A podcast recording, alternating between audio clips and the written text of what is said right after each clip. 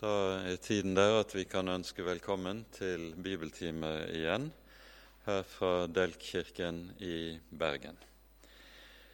Vi er nå kommet dit hen at vi tar opp tråden igjen fra profeten Sakarias. Vi brøt jo av den i fastetiden da vi hadde fastegudstjenester på onsdagene med utgangspunkt i sendebrevene Johannes' åpenbaring. Nå vender vi tilbake til profeten Sakarias og eh, skal eh, regne med å ha gått igjennom boken i sin helhet når vi kommer til sommerferien. I kveld skal vi ta for oss kapittel 10 og kapittel 11 i boken til Sakarias, to særegne kapitler som har det med seg at det ene kapittel 10 taler om den velsignelse som følger i kjølvannet på at Herren, Herrens Messias, kommer til sitt folk full av rettferdighet, full av frelse, slik vi hører det i det niende kapittelet. Og så når vi kommer til det ellevte kapittelet, hører vi om tunge domstider som skal ramme Guds folk. Så disse to kapitlene står på mange måter i sterk kontrast til hverandre. Mer om det etter hvert. Nå vil vi folde hendene og be sammen før vi leser fra profeten. Nå takker og lover vi deg, Herre vår Gud og vår Far, du som er den levende Gud du som kommer til oss med ditt ord og gjør din gjerning ved ordet ditt imellom oss. Du er Herren, som døder og gjør levende, fører ned i dødsriket og opp derifra. Du er Herren, som gjør fattig og gjør rik, som nedbøyer og opphøyer. Takk, Herre, at du er den samme i all din gjerning og at du fører frem din vilje og ditt råd under alle forhold, selv om vi ikke ser og ikke forstår din hånd og din gjerning. Nå ber vi, gode Herre, at du vil være hos oss for din store nådes skyld. Takk at du har gitt oss barnekår i ditt rike, et hjem i din kirke på jorden, og først og fremst at vi skal få lov til å eie syndenes forlatelse for Jesus skyld. Herre, bli hos oss, forbarm deg over oss, og gi lys i ordet ditt for at vi må få lov til å bli bevart inntil enden.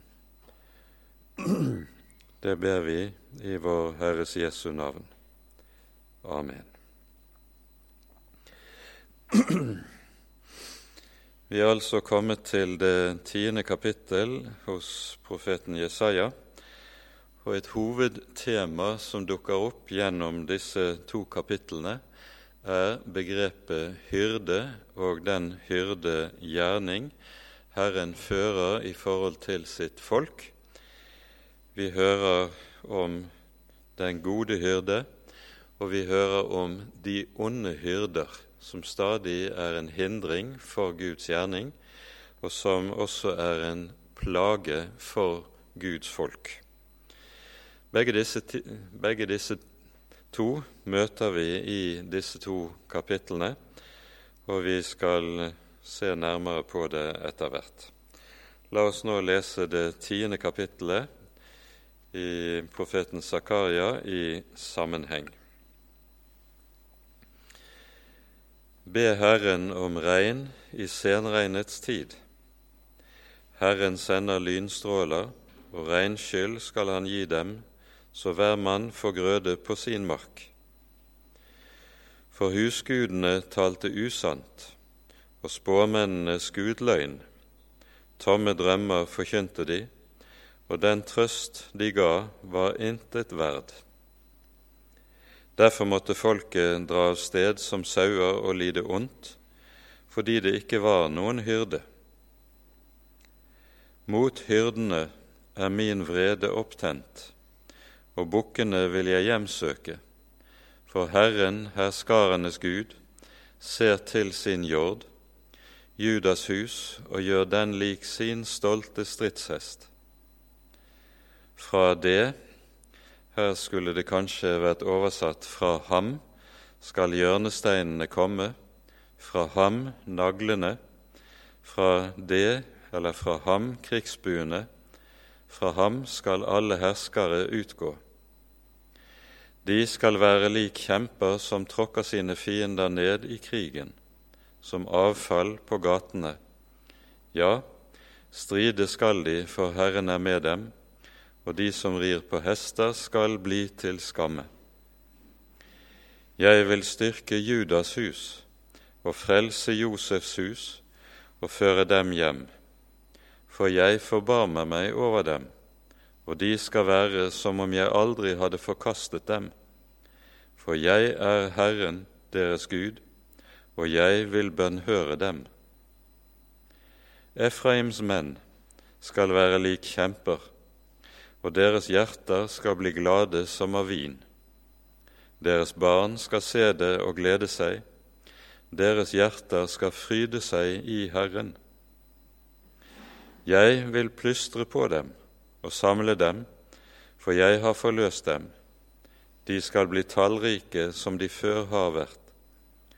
Jeg vil så dem ut blant folkene, men i de fjerne land skal de komme meg i hu. De skal leve med sine barn og komme tilbake. Jeg vil føre dem tilbake fra landet Egypt og samle dem fra Assur og føre dem til Gileads land og til Libanon og der skal det ikke bli rom nok for dem. Han skal dra frem gjennom havet, gjennom farer og slå ned bølgene i havet. Alle Nilens dyp skal tørkes ut. Assurs stolthet skal støtes ned. Kongespiret skal vike fra Egypt. Jeg vil gjøre dem sterke i Herren, og i Hans navn skal de gå frem, sier Herren. Dette kapittelet slutter med ordet 'sier Herren'. Og eh, dette er en særlig, et særlig uttrykk som anvendes av profetene, og som understreker at med stor styrke at det som skal skje, det er en frukt av Guds eget ord. Herren taler, og det skjer, og dette er Guds gjerning i historien. Det er slik som uh, i ordet hos Jesaja i det 55. kapittel, som uh, vi leser fra det tiende verset i eh, Jesaja 55, like som regn og snøen faller ned fra himmelen og ikke vender tilbake dit, men vanner jorden og får den til å bære og gro, så den gir såkorn til såmannen og brød til den som eter, slik skal mitt ord være, det som går ut av min munn. Det skal ikke vende tomt tilbake til meg, men skal gjøre det jeg vil, og ha fremgang med alt det jeg sender det til. Herrens ord gjør det Han vil. Og dette særlige uttrykket som avslutter eh, det tiende kapittel, er noe som viser nettopp til denne hovedsak i det profetiske budskapet gjennom hele Det gamle testamentet. Vi hører jo eksempelvis at når eh, Herren kaller Jeremia til profet, så lyder det i kallelsesfortellingen i det første kapitlet at Herren sier til profeten:" Jeg setter deg i dag over folk og riker til å rive ned og bryte i stykker osv. Profeten har jo ingen makt rent jordisk. Han er ikke som konger og fyrster som besitter eh, ytre makt og herlighet, og som kan gjøre det de vil på historiens arena. Det eneste profeten har, det er Herrens ord. Og fordi Herrens ord er i hans munn, så er det ved dette ord Herren utfører sin gjerning rent historisk. Og det er dette som er poenget når det anvendes dette særlige uttrykket som kapittel 10 slutter med. Her kunne det passende være slik at vi minner om ordene i klagesangene kapittel 3.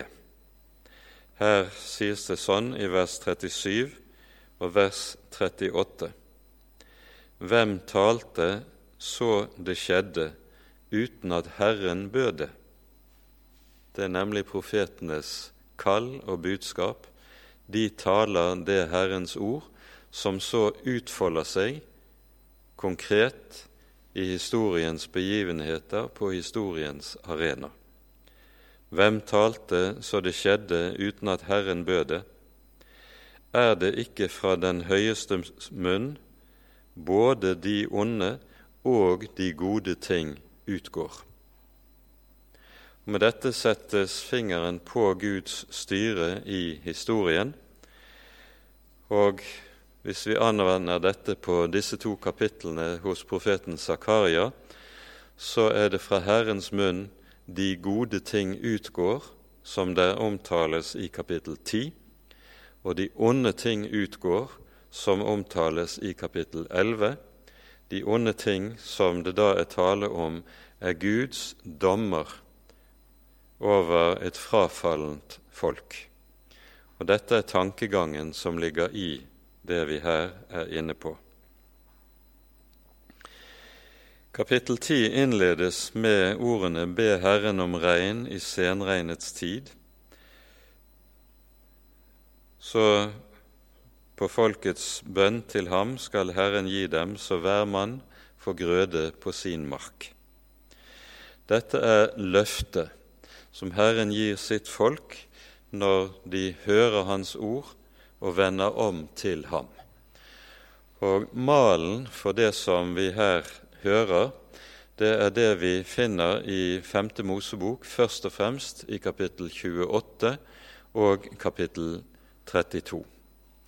I kapittel 28 hører vi Moses fremsi de velsignelser som folket skal få del i når de bøyer seg for og tar Herrens ord til hjertet, og motsatt hører vi om de forbannelser som Herren vil ramme folket med dersom de avviser Hans ord og går sine egne veier.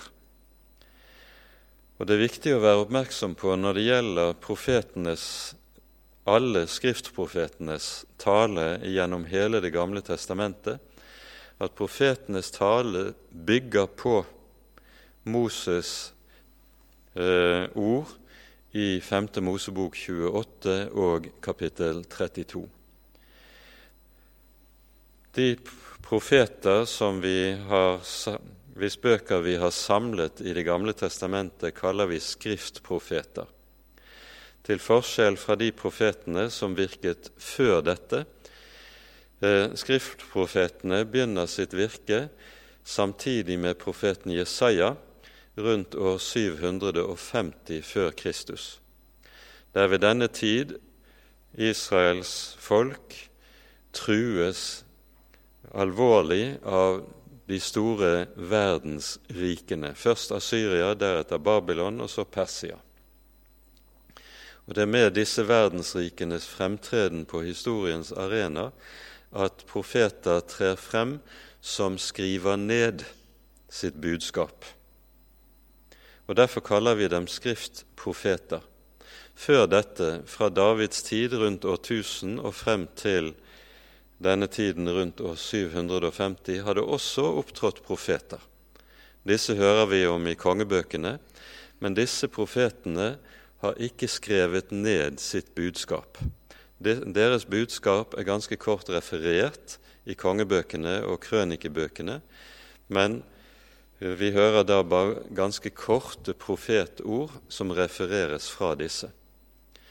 Skriftprofetene er altså disse som hvis budskap er samlet i bøkene eh, fra rundt år 750. Og de er altså skriftprofeter også i den betydning at deres profetiske budskap bygger på og springer ut av de ord som ble talt av Moses, og som vi altså finner i Femte Mosebok, som vi har pekt på. De er altså skriftprofeter i dobbelt forstand, og dette er viktig å være oppmerksom på.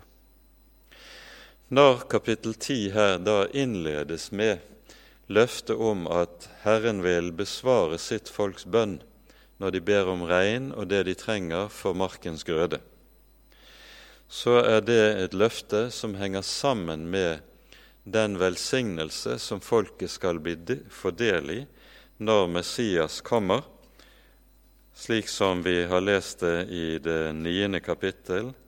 Rop med fryd, Sions datter, rop høyt, Jerusalems datter. Se, din konge kommer til deg. Rettferdig er han og full av frelse. I hans fotspor drypper velsignelsen ned over folket og folkets liv når de tar ham imot. Det er dette som altså utgjør bakteppet for det vi hører i det tiende kapittelet. Så kommer en påminnelse fra vers 2. For husgudene talte usant, spåmennene skuet løgn, tomme drømmer forkynte de, og den trøst de ga, var intet verd. Derfor måtte folket dra av sted som sauer og lide ondt, fordi det ikke var noen hyrde. Så møter vi hyrdetemaet her. Vers 2 oppsummerer det som er Israels historie frem til, til fangenskapet i Babylon. Det er nettopp husguder, spå, spå men dødningemanere osv. var den slags som folket vendte seg til, mens Herrens profeter møtte kun døve ører i folket. Husguder på hebraisk terafim det er noe vi hører om gjennom i en rekke sammenhenger i Det gamle testamentet. De av dere som kanskje har sett filmen 'Gladiatoren', vil se hvordan han, han sitter med sånne små avgudsbilder som han henvender seg til i bønn. Nøyaktig slik var det disse husgudene så ut, og som ble anvendt av folket overalt rundt omkring i Israels land. Og Arkeologisk så har man funnet mengder av slike små husguder rundt omkring i restene etter bosetninger fra denne tiden i Israels folk, noe som viser at profetenes budskap når de talte mot avgudsdyrkelsen, var noe som i høy grad var berettiget inn i datiden. Folket hadde sine små husguder overalt rundt omkring hvor de bodde avgudsdyrkelsen var meget utbredt, mens dyrkelsen av Herren den var meget sparsom i folket. Og så sies det altså på grunn av dette måtte folket dra av sted som sauer og lide ondt, fordi det ikke var noen hyrde. Når folket hadde ikke ville ha Herren som sin hyrde, så blir de som får uten hyrde, og måtte da lide i tråd med det. Så tales det i det neste verset om de onde hyrder, som fikk rom når Herren ikke Unnskyld, når Herren ikke fikk være hyrde for folket. De onde hyrder de er av to typer, slik som vi møter dem her. For det første siktes det antagelig ut fra sammenhengen i kapittelet til de hedenske folkeslagene som hadde undertvunget Israels folk i og med fangenskapet i Babylon. Og Israels folk led meget ondt under disse onde hyrder, som bare var slike som utnyttet eh, sine erobrede folk til egen vinning, til egen fordel. Men dernest er det også slik at de onde hyrder det er betegnelsen på lederne i Israels folk i Israels kongetid forut for fangenskapet. Og Disse onde hyrder omtales i en rekke sammenhenger hos profetene. De to viktigste kapitlene i Det gamle testamentet i så måte, det er profeten Jeremias 23. kapittel, der vi hører tale om hvorledes både konger, prester og profeter er onde hyrder i folket, og som leder folket på avveier, og som uh, utnytter folket til egen vinning. Det andre hovedkapittelet i denne sammenheng er profeten Esekiels 34. kapittel, der vi hører om nøyaktig det samme, og der Herren lover at Han selv vil komme og drive de onde hyrder bort, og selv være en god hyrde for sitt folk. Og Slik blir Esekiels 34. kapittel et viktig profeti som peker frem imot det vi hører i Johannesevangeliets tiende kapittel, når Jesus sier 'Jeg er den gode hyrde'. Den gode hyrde setter sitt liv til for fårene. Bakteppet for dette kapittelet er nettopp Esekiels 34. kapittel, som peker frem mot Johannes 10. Så sier Herren altså at Herren herskarenes Gud selv vil se til sin jord. Og med det så utgjør kapittel, vers 3 her i dette kapitlet nærmest en sammenfatning av det 34. kapittelet hos profeten Esekiel. Herren vil se til sin jord, sies det, Judas hus. Og Nå ser vi at her er det tale om Judas hus i vers 3, og så går vi til vers 6. Så er det på ny tale om Judas hus. Herren sier, 'Jeg vil styrke Judas hus og frelse Josefs hus'. Og Da er det tale om Israels to hus, nemlig dette at etter eh, kong Salomos død så ble Guds folk delt i to, Nordriket og Sydriket, der Nordriket ble kalt Israel, eller Josefs hus, som vi hører her, og Sydriket ble kalt for Juda. Dette er betegnelsene som vi på de to eh, delene av folket som vi møter i kongebøkene og krønikebøkene. Og Nå sies det altså fra vers 4 er omsatt slik fra det skal hjørnesteiner komme. Det burde oversettes fra ham skal hjørnesteinene komme, fra ham naglene. Ordet som her er oversatt med nagler, det burde kanskje oversettes med teltplugger. Poenget er når det fra Judas hus skal komme hjørnestener, nemlig slike som Herren vil gi, som Guds hus kan bygges på og hvile trygt på. Og teltplugger Teltpluggene er jo det som er forutsetningen for at teltet eller tabernaklet kan stå oppreist og ikke falle sammen. Det er bildet som ligger bakom her. Når det sies 'fra ham skal disse hjørnesteiner og teltplugger komme', så kan det forstås på to måter. Enten slik at det kommer fra Juda, eller slik at det kommer fra Herren selv. Og antagelig er det slik at begge deler må ligge til grunn i dette. Det er nemlig fordi de kommer fra Herren, at det også kan vokse frem og bli en virkelighet i Herrens folk i Judas hus.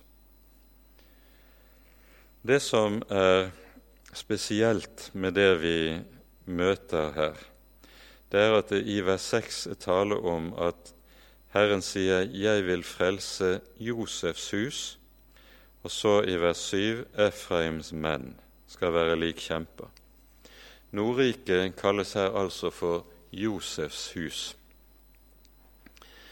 Og det, Grunnen til at dette er så spesielt, det er at Josefs hus, Nordriket, de ti stammene, det er jo et rike som gikk til grunne 200 år forut for dette, forut for profeten Sakarias virke. Nå lover Herren at disse som ble adspredt gjennom den asyriske erobringen, de vil Herren ta seg av. Når Nordriket kalles Josefs hus, og det så vises til Efraim i neste vers, så henger dette sammen med at Josef jo fikk to sønner i Egypt.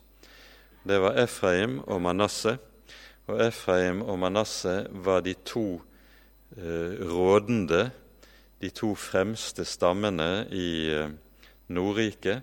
og Derfor kalles også Nordriket av og til rett og slett bare for Efraim. Betegnelsen Josef er mer sjelden i Det gamle testamentet, men det er også her en betegnelse på Nordriket. Og så lover Herren altså, og dette står i forlengelsen av løftet om Messias som kommer fattig og ridende på folen. Jeg forbarmer meg over dem, og de skal være som om jeg aldri hadde forkastet dem, for jeg, Herren, er deres Gud, og jeg vil bønnhøre dem.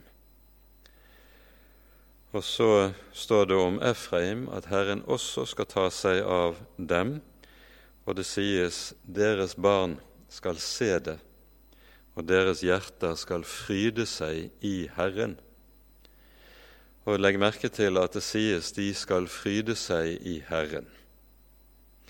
Det er altså her ikke først og fremst tale om glede over ytre jordiske ting, men det er tale om den glede som henger sammen med hva en eier i Herrens nåde og velsignelse. Rettferdig er han og full av frelse sies det i vers 9. Det er dette som skaper det som kalles gleden i Herren, og som vi leser om her. Så lover Herren, slik vi hører det fra vers 8 av og utover, både at han vil samle dem, og at han vil spre dem. Og dette er merkelig. Jeg vil plystre på dem og samle dem, for jeg har forløst dem. De skal bli tallrike slik de før har vært. Jeg vil så dem ut blant folkene, i de fjerne land skal de komme meg i hu og leve med sine barn og komme tilbake. Det sies både at Herren vil samle dem, og at Han vil adspre dem. Og Her ligger det antagelig en hemmelighet skjult når det sies at Herren vil så sitt folk ut blant folkene, så brukes da et ord som sikter til såkorn.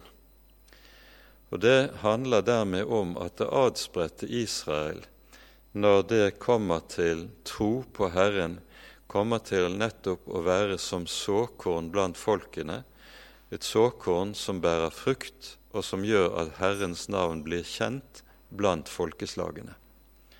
Og det er denne dobbelthet som ligger i det vi her hører, eh, understrekes. Så kommer løftet som gjentas i neste vers, i vers 10. Jeg vil føre dem tilbake fra landet Egypt og samle dem fra Assur og føre dem til Gileads land og til Libanon, og der skal det ikke bli rom nok for dem. De to siste versene peker så på hvorledes utgangen fra Egypt, når Israels folk går gjennom havet på tørre land, slik vi hører om det i det 14. kapittel i 2. Mosebok. Overgangen over Det røde hav eller over Sivhavet, det blir et forbilde på den frelse som Herren vil sende sitt folk når han på ny samler de adspredte. Stormaktene Egypt og Assur skal ikke være i stand til å hindre Herrens gjerning, like lite som farao var i stand til å hindre Israels frihet og overgangen over Det røde hav, like lite skal stormaktene hindre Herren i hans gjerning. Når den timen kommer at han på ny vil samle sitt folk. Det vi her hører om, det er altså noe som på foreløpig måte går i oppfyllelse etter at fangenskapet i Babylon er slutt, og folket får vende tilbake etter eh, fangenskapet når det persiske riket kommer til makten og Kyros sier 'vend tilbake'.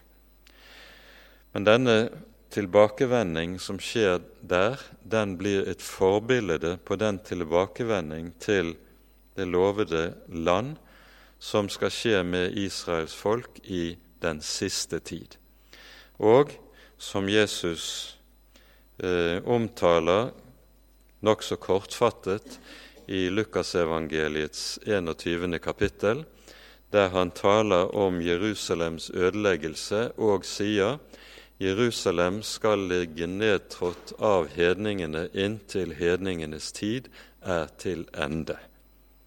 I dette ligger det en forutsigelse av at Israels folk i den siste tid skal komme tilbake. Når så skjer, sier Jesus, er det i den tid som han kaller hedningenes tid, er til ende. At hedningenes tid er til ende, det betyr antagelig det som Paulus sikter til i Romerbrevets ellevte kapittel, at hedningenes fylde er kommet inn. Det vil si at det ikke er flere hedninger som lar seg frelse. Da er hedningenes tid til ende, og så er det dette som er Guds gjerning i denne tid.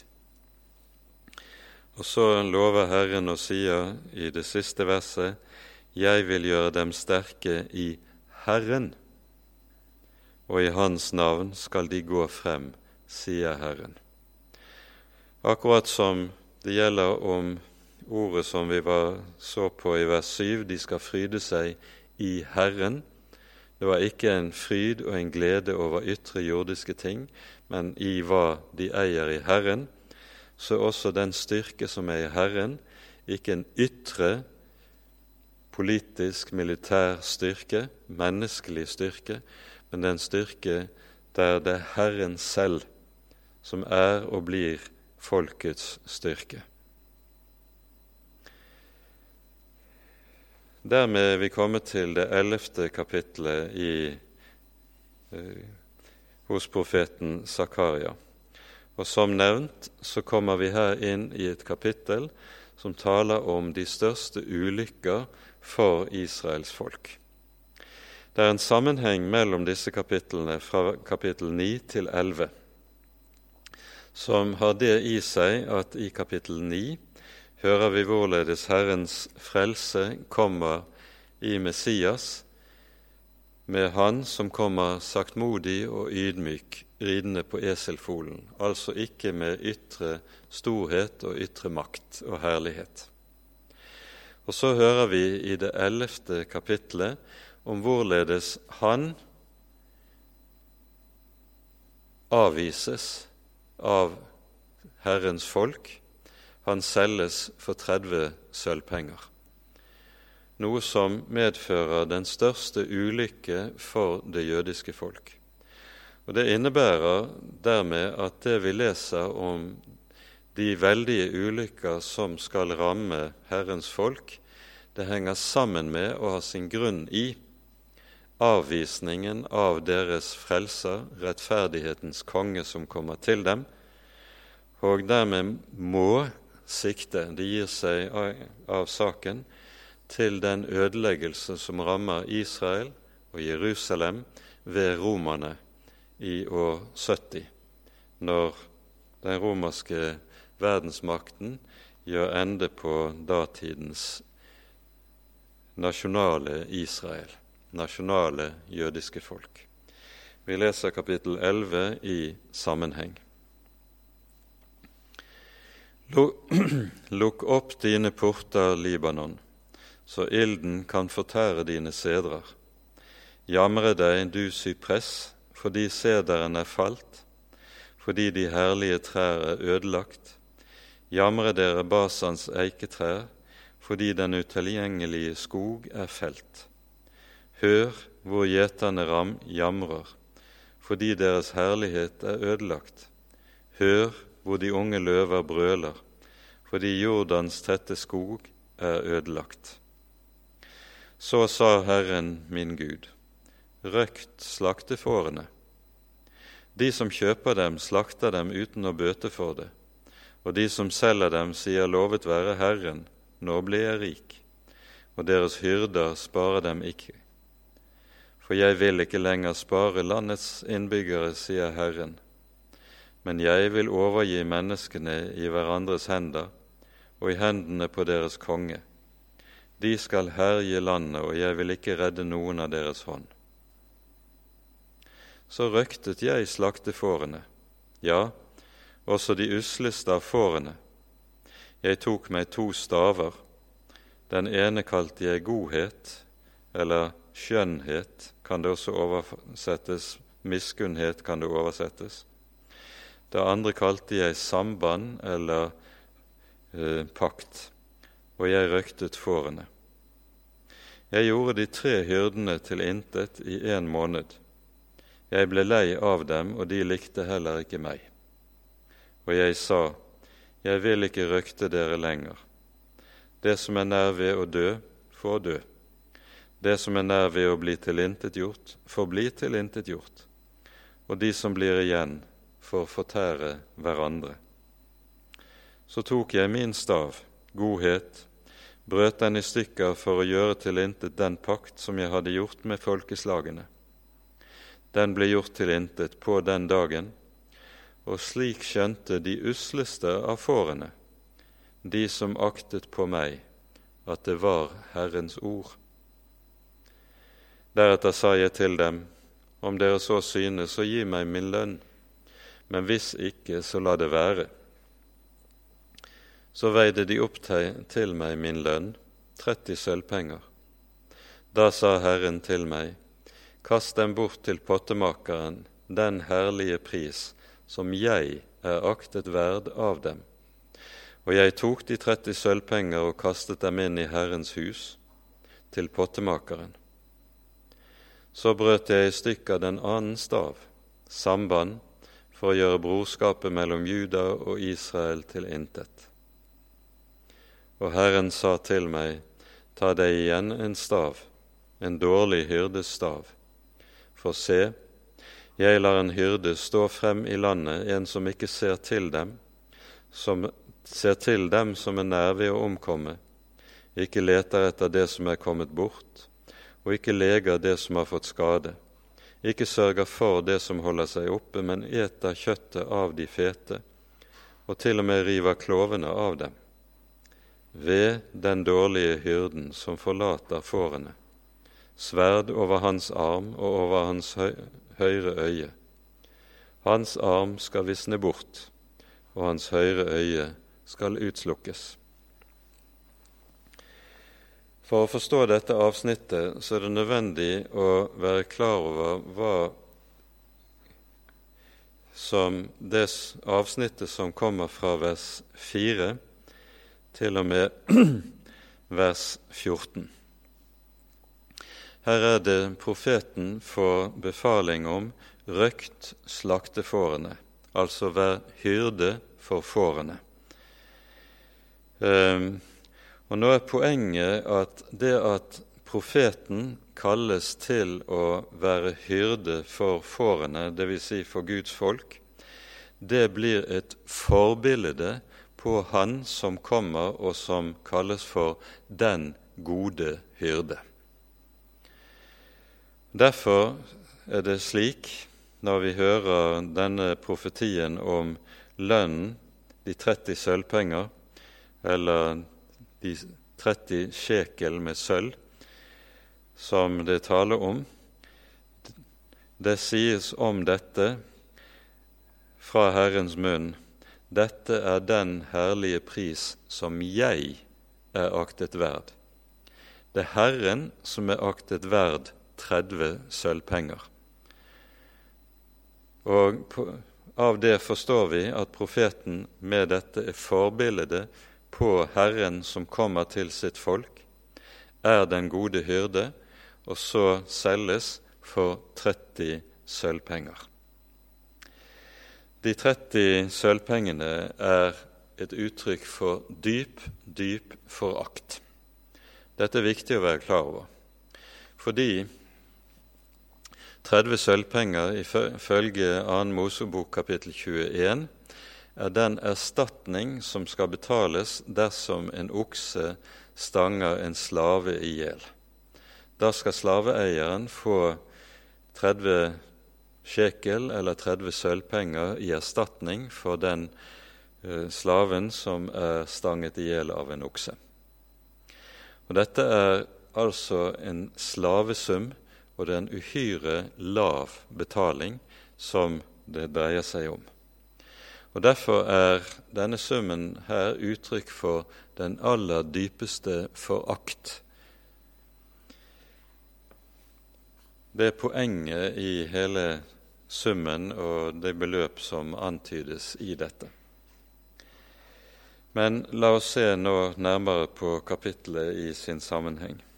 Kapittelet begynner med tre vers som taler om en veldig ødeleggelse som skal ramme folket fra nord. I foregående kapittel har vi hørt om hvorledes Herren vil samle sitt folk og da er det tale først og fremst om den nordlige del av Israels land. Det taler om Gileads land og Libanon, så det skal ikke bli rom nok for folket. det står i vers 10. Så kommer de tre første versene i kapittel 11, der det taler om denne veldige ødeleggelse som skal ramme. Og Her brukes bildet av skogen. På Libanon vokser sedrene, på Basan og Gilead vokser eiken, og alle disse trær skal brennes opp og hogges ned. Dette skjer i bokstavelig forstand når den romerske eh, hæren kommer veltende fra nord. Romerne samlet Til å begynne med var det jo slik i eh, det jødiske opprøret som brøt ut i år 66 og 67, at de beseiret de romerske garnisonene som var i Israels land, og så samler romerne sin hærmakt i Syria, eh, sine legioner, eh, legionene samles der, og kommer så fra nord og inn i landet. De, og når trærne hogges ned og brennes opp, så henger det sammen med at trærne hogges ned og brukes til å korsfeste folk. Det var utallige av det jødiske folk som ble korsfestet av romerne i forbindelse med krigen mellom år 67 og år 70. Og det sies om området rundt Jerusalem at flere kvadratkilometer av områdene rundt Jerusalem ble gjort bare for trær, fordi romerne trengte dette til alle dem som skulle korsfestes. Det var forferdelig. Dette er det som altså skjer. Men samtidig er dette altså et bilde på der folket er så å si skogen som vokser frodig og rikt, og som kommer til å brennes opp og ødelegges ved det som ligger foran. Det er dette vår Herre Jesus gråter over når vi leser det 19. kapittel i Lukasevangeliet, når han drar inn i Jerusalem over Oljeberget så står det i Lukas 19 fra vers 41. Da han kom nær og så byen, gråt han over dem og sa:" Visste også du, om enn først på denne din dag, hva som tjener til din fred? Men nå er det skjult for dine øyne. For dager skal komme over deg da dine fiender skal kaste opp vold omkring deg, og de skal omringe deg og trenge deg fra alle kanter. Og de skal slå deg til jorden og dine barn i deg. De skal ikke la stein bli tilbake på stein, fordi du ikke kjente din besøkelsestid. Dette er den tragedien Jesus ser komme, og denne tragedien blir altså samtidig også en oppfyllelse av det Herren har talt gjennom profeten Zakaria når han ser frem mot denne tid. Visste du om enn først på denne din dag hva som tjente til din fred, men nå er det skjult for dine øyne. Så kommer altså innslaget i vers 4 når Herren sier til sin profet:" Røkt slaktefårene, røkt folket. Når folket kalles slaktefår, så er det fordi de hedenske folkeslagene som bodde omkring Israels folk, de aktet folket lite og gjerne brukte den aller groveste vold overfor folket og regnet Israels folk nærmest bare som slaktefår. De var ikke mer verd. Profeten får i oppdrag å røkte dem, dvs. Si å være hyrde for folket. Og så sier han, 'Jeg røktet folket'. Jeg var hyrde for disse, også for de us usleste. Og så sies det i symbolsk språk, 'Jeg tok meg to staver', det er to hyrdestaver, som begge er bildet på hva denne hyrdegjerningen gikk ut på og hadde som frukt. Hyrdegjerningen bestod i, i og med den ene staven, for Guds godhet. Som nevnt, begrepet som er oversatt med godhet, kan bety skjønnhet og miskunnhet, eller nåde også. Og nettopp dette er det som skal bli folket til del der Herren får på rette vis være hyrde for sitt folk. Den andre staven kaltes, står det her, samband eller bånd eller pakt, og betegner hvorledes det vil bli fred, forbund, eh, og der gis broderhånd innbyrdes innad i Guds folk, der Herren får lov til å være hyrde og utføre sin gjerning. Det som så kommer i det neste verset, det er et vers som har fått de fleste eh, skriftutleggere til å klø seg mye i hodet. Men det er en vanlig forståelse av dette at når det sies 'Jeg gjorde de tre hyrder til intet på én måned', så siktes det til de tre eh, instanser i Guds folk der Herren har innsatt en tjeneste som, som hyrde, nemlig det kongelige embetet, det prestelige embetet og det profetiske embetet. Alle disse tre embetene, disse tre gjerninger, disse tre hyrdeembeter, blir det ende på i og med at den nye pakt opprettes. Og når det står at disse tre hyrder er noe profeten og dermed også Herren blir lei av, så er det fordi de ikke likte ham. De ville ikke ha ham som sin gode hyrde. Og Det er nettopp de tre embetene som kommer til å bli de som effektivt gjør, blir det som står bak vår Herre Jesu Kristi lidelse og død, og deretter forfølgelsen av apostlene og den eldste kristne menighet i Jerusalem og i Israel. De likte heller ikke meg, sies det om de tre øverste instansene i det jødiske folk. Derfor sier Herren også, 'Jeg vil ikke røkte dere lenger'. Og dermed kommer folket til å bli overlatt til seg selv. De blir som får uten hyrde. Dette er noe vi hører Jesus er inne på og sier flere ganger i evangeliene. I gårsdagens prekentekst var dette også et ord som lød fra Jesu munn. Folket var, unnskyld, søndagens prekentekst eh, var dette sagt fra vår Herre Jesus. Han ynkedes inderlig over folket, for de var lik får uten hyrde. Og det er det som skjer fordi de har hatt onde hyrder som har ledet dem på ville veier, og så vil de ikke vite av Han som er den gode hyrde. Så brytes hyrdestaven i stykker, vi hører det i vers 10, og det sies 'den pakt jeg hadde gjort med alle folkeslagene, ble gjort til intet'. Det innebærer at Herren med sin gode hyrde som har trådt inn på arenaen, har gjort en pakt med folkeslagene. Det vil si at Israels folk står under et særlig vern mot de ulike folkeslagenes fiendskap så lenge han får lov til å bære hyrdestaven imellom dem.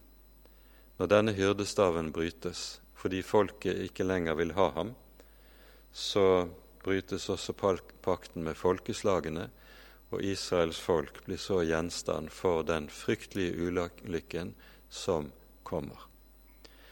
For slik er det der menneskene går sine egne veier. Der må de også få det som er frukten av at man går sine egne veier. Eller sånn som Paulus sier det i Galatane 6.: Det et menneske sår, skal det også høste. Det er dette som gjelder Israels folk, og det er det som er Israels ulykke i dette. Og så sier profeten, når han dermed trer tilbake, legger ned sitt profetiske embete som hyrde og sier, 'Vil dere gi meg lønn for den tjenesten jeg har gjort?' Og så gir de han altså en skamlønn, som et uttrykk for dyp forakt. Og dette blir da forbildet for det som kommer til å skje når Jesus blir solgt for 30 sølvpenninger av Judas, og Judas, etter å ha angret det han gjorde, kastet pengene inn i tempelet, slik det står her, og pengene ble brukt nettopp til å kjøpe pottemakerens åker, som lå utenfor byen, og som trengtes til gravsted for pilegrimer som var kommet til Jerusalem, og som av en eller annen grunn døde under sitt opphold i byen. Jeg tok de 30 sølvpengene og kastet dem inn i Herrens hus til pottemakeren. Og Pottemakerens åker den er omtalt i, hos profeten Jeremias i det 32. kapittel, der Jeremia får befaling om å kjøpe en slik åker, som profeti om at folket igjen skal få komme tilbake og ta landet i besittelse. Og Dermed så henger disse to stedene, Jeremias 32 og Sakarias 11, sammen. Og Dette er årsaken til at når det i Matteusevangeliets 27. kapittel sies at eh, det at disse 30 sølvpengene ble brukt til å kjøpe pottemakerens åker, var oppfyllelse av ordet hos profeten Zakaria, så er det ikke en feil som står hos eh, i Matteusevangeliet kapittel 27, men det henger sammen med denne koblingen mellom Jeremia 32 og Zakaria 11.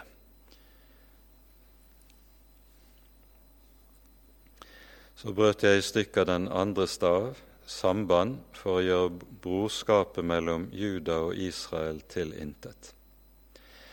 Nettopp dette ser vi i tiåret forut for Jerusalems ødeleggelse ved romerne.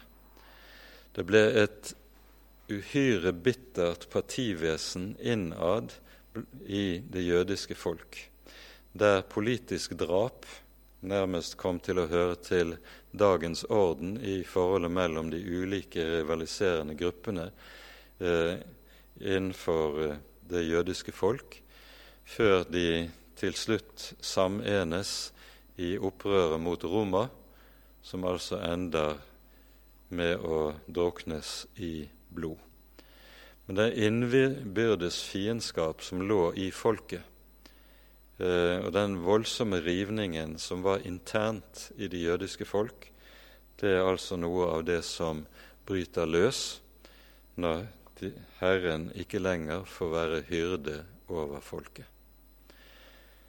Slik går denne teksten i oppfyllelse på sin meget, meget tragiske måte. Og så ender kapitlet med å peke frem mot Jeg lar en hyrde stå frem i landet som ikke ser til. Onde hyrder skal herske over folket. Og det er da slik at dette er noe vi ser i Det gamle testamentet når Herren sender historiske dommer inn over folket i form av krig og ødeleggelse, så bruker Gud onde mennesker, ugudelige mennesker, som sitt redskap til å fullføre og eksekvere hans, sin domsgjerning. Det etterfølges så av at Gud dømmer de onde og ugudelige som har utført de, eh, de domsgjerninger som de var satt til, og de dømmes på grunn av den ondskap som ligger bak det de gjør i disse handlinger. Og På denne måten er det Gud altså styrer historien og fullfører eh, sin gjerning i historien. Det vi her er inne på, det er omtalt mer uttrykkelig i det tiende kapittelet hos profeten Jesaja, der vi hører om hvorledes Asyria er Guds vredes ris over Israels folk. Og eh, her er det da slik Eh, at eh, Asyria slett ikke forstår at de bare er Guds redskap til å utføre Guds dommer, men tvert om roser seg selv. Og så leser vi her i Jesajas 10, slik fra vers 5. Ved Assur, min vredes ris, sier Herren. Min harme er staven han har i sin hånd. Mot et gudløst folk sender jeg ham. Mot et folk jeg er vred på, byr jeg ham å fare for å røve og plyndre og tråkke, ned, tråkke det ned som avfall i gatene. Men slik mener ikke han, og i sitt hjerte tenker ikke han slik. Nei, han har lyst til å ødelegge, til å utrydde mange folk, for han sier, er ikke mine høvdinger konger alle sammen? Og vers 10.: Min hånd har jo nådd alle de andre guders rike. Skulle jeg da ikke kunne gjøre det samme med Jerusalem og dets guder, som jeg har gjort med Samaria og dets guder? Og så kommer det i vers 12. Men når Herren har fullført hele sin gjerning på Sions berg og i Jerusalem, da vil jeg hjemsøke Assurs konge for følgene av hans hjertes overmot og trossen i hans stolte øyne. For han sier, ved min hånds kraft har jeg gjort det, og ved min visdom, for jeg er forstandig. Og så i vers 15, roser vel øksen seg mot den som hogger med den, eller gjør sagen seg stor mot den som drar den. Derfor skal Herren herskarenes Gud sende tærende sått blant hans kraftfulle menn. Og slik er det at Gud bruker Assur som sin vredes ris, for deretter å straffe Assur for Assurs hovmot og ugudelighet. Slik er det vi altså møter noe av Guds historiske styre i Det gamle testamentet. Og dette er det altså som profeten Zakaria så å si sammenfatter i korte, kompakte vers, der han sammenfatter det som er omtalt meget bredere hos de tidligere profeter. Og Dette er en veldig viktig nøkkel til å forstå store deler av Zakarias bok, at han er langt mer ordknapp enn de tidligere profeter, men han bruker aktivt det som er talt gjennom de tidligere profeter, på en slik måte at han komprimerer det i meget korte vers. Det er noe av det som gjør profeten Zakaria ofte ganske vanskelig tilgjengelig og vanskelig å forstå. Men har man dette i minne og er klar over de eh, forbindelseslinjene som er til de andre profetenes budskap, så vil en lettere skjønne sammenhengen i det. Vi innledet dagens time med å peke på hvorledes begrepet hyrde er et hovedbegrep i disse to kapitler. Vi møter profeten som forbildet på Jesus som den gode hyrde, og vi hører også om de onde hyrder. Og så er det slik i, gjennom hele Bibelen at forholdet mellom Gud og hans folk gjennomgående sammenlignes med forholdet mellom en hyrde og hans jord.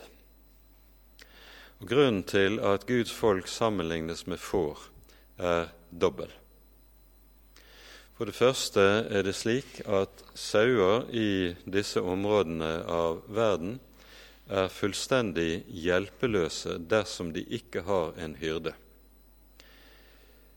Sauer har ikke stedsans, og i disse områdene av verden kan det være ganske så langt mellom både grønne beiteganger der de finner gress og næring, og enda lengre mellom hvert sted der det er vannhull. Og til å finne frem til dette er de helt avhengig av å ha en hyrde som kjenner veien. Uten det vil de dø. Det er altså slik at fårene mangler stedsans og derfor vil dø uten en hyrde. For det andre er sauer helt hjelpeløse i forhold til selv små rovdyr. Vi vet fra vårt eget land at en løsbikkje kan rive i stykker ganske mange sauer på beite. Det skal ikke mer til. Sauer er hjelpeløse i forhold til rovdyr. Derfor er det sånn at sauene trenger en hyrde. Og nettopp slik er det med oss mennesker.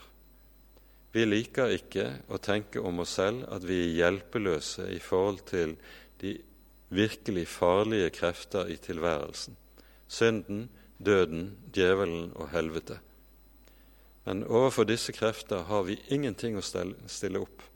Vi er hjelpeløse i forhold til det uten Han som er den gode hyrde. Og Likeledes er det slik at har vi ikke en hyrde, så vil vi mennesker uvegerlig fare vill. Når vi mennesker går våre egne veier, så farer vi alltid vill. Dette er den bibelske sannhet om oss mennesker under syndefallets eh, kår. Vi mennesker farer alltid vill dersom vi får gå våre egne veier. Vi trenger en hyrde som kan lede oss på veien og føre oss gjennom livet. Og det er nettopp det Herren har gitt oss Jesus til. Han er den gode hyrde som har hjerte for fårene, som er villig til å gi livet for fårene, som kan lede oss på vei, og som kan beskytte oss mot det som er våre egentlige fiender. Og det er det som er Guds store gave til oss. Han har gitt oss sin sønn, den gode hyrde. Og det å være velsignet av Gud, det er å vite med seg selv Jesus er min hyrde. Jeg mangler intet. Han leder meg til grønne enger. Han lar, han lar meg ligge i grønnere enger. han leder meg til hvilens vann. Jeg mangler intet. Med det setter vi punktum for kveldens bibeltime. Og Neste gang, om to uker, vil vi